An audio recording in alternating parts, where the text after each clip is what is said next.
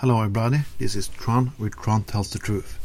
When you're listening to this uh, recording, well, I've been awake for many and many hours. This is 10 past 9 in Norway now, and um, I've been at work since 10 o'clock last night.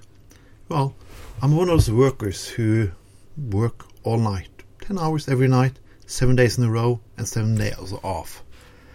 It's a hard life, but it's, well, it's okay. That is normal. Usually work hours in Norway is between 7 and 8 hours. And we have the weekend off. It's a good life. It's a good work politics. Because the unions in Norway are strong. Unions are very strong. We had no Ronald Reagan to fuck up our system. Therefore, we have a good life. That's why we are top of list of happiness and welfare and social mobility because we have those good things. But people, you can also get those good things. It's been a lot of focus about who's gonna win the elections, Bernie or Hillary or Mr. Fuckhead Donald Trump or Mr. Even Worse Fuckhead Ted Cruz or little, little, little, little, small, little, little fuckhead Kasich. But anyway, that's not important. The important is that there are many seats in the Congress and Senate of election too. Yes, a lot of seats. There are also a lot of local elections in states, governors, mayors, and so on and so on. And you can also vote for them. And I think you should. I know I said this before, go out and vote, but I think a lot of you already know that you should go out and vote. But vote on all elections every one of them. Every single one of them. You have the majority in the American people if you just use your right to vote. And you use all to vote in every election there is. I cannot say this very clear. I think a lot of you should come and live in Norway for a while. See how good work politics we have. See how good life we live. Of course, we have our problems.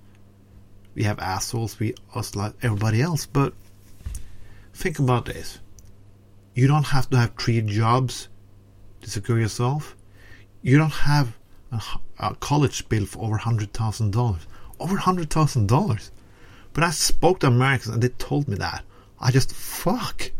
How can you afford that kind of life? How can you afford to live? How can you afford to eat? How can you afford to do a sh- damn shit? Well, I don't know. I don't know how you make it. But I'm very impressed with people who can have three jobs, um, bring their kids to school, do anything with their family whatsoever. The party for families values are people, same party don't give a fuck about families in general.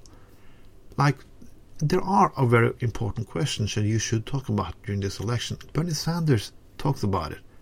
But you need a majority in the Congress and the Senate to pass it. That, uh, that's higher minimum wage. Yeah. Higher minimum wage. When I hear how low you earn, I'm shocked. I work in the private security sector. In Norway, that's not very glam- glamorous at all. We don't wear guns. I never touched a gun. I can't even drive. But it's a good job. It pays my bills. And I have something extra to do fun. But these things didn't come cheap.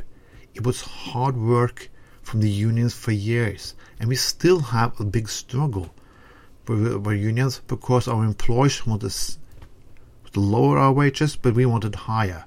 So it's hard, it's tough, but we have good unions and we have a community, and we fight fighting spirit to do this. I've been now awake for over 13, 15 hours. I'm gonna go to sleep soon. But I want to go to sleep with the notion that you listen to this that just spread this word. That just say to every friend who's going to vote for Bernie or Hillary that, okay, vote for anything else too. Vote in your local election, vote for Congress, and vote for Senate. This is Trond. Trond tells the truth. Have a nice day, and have a lot of sex. Well, that was okay. Have a lot of sex. Bye bye.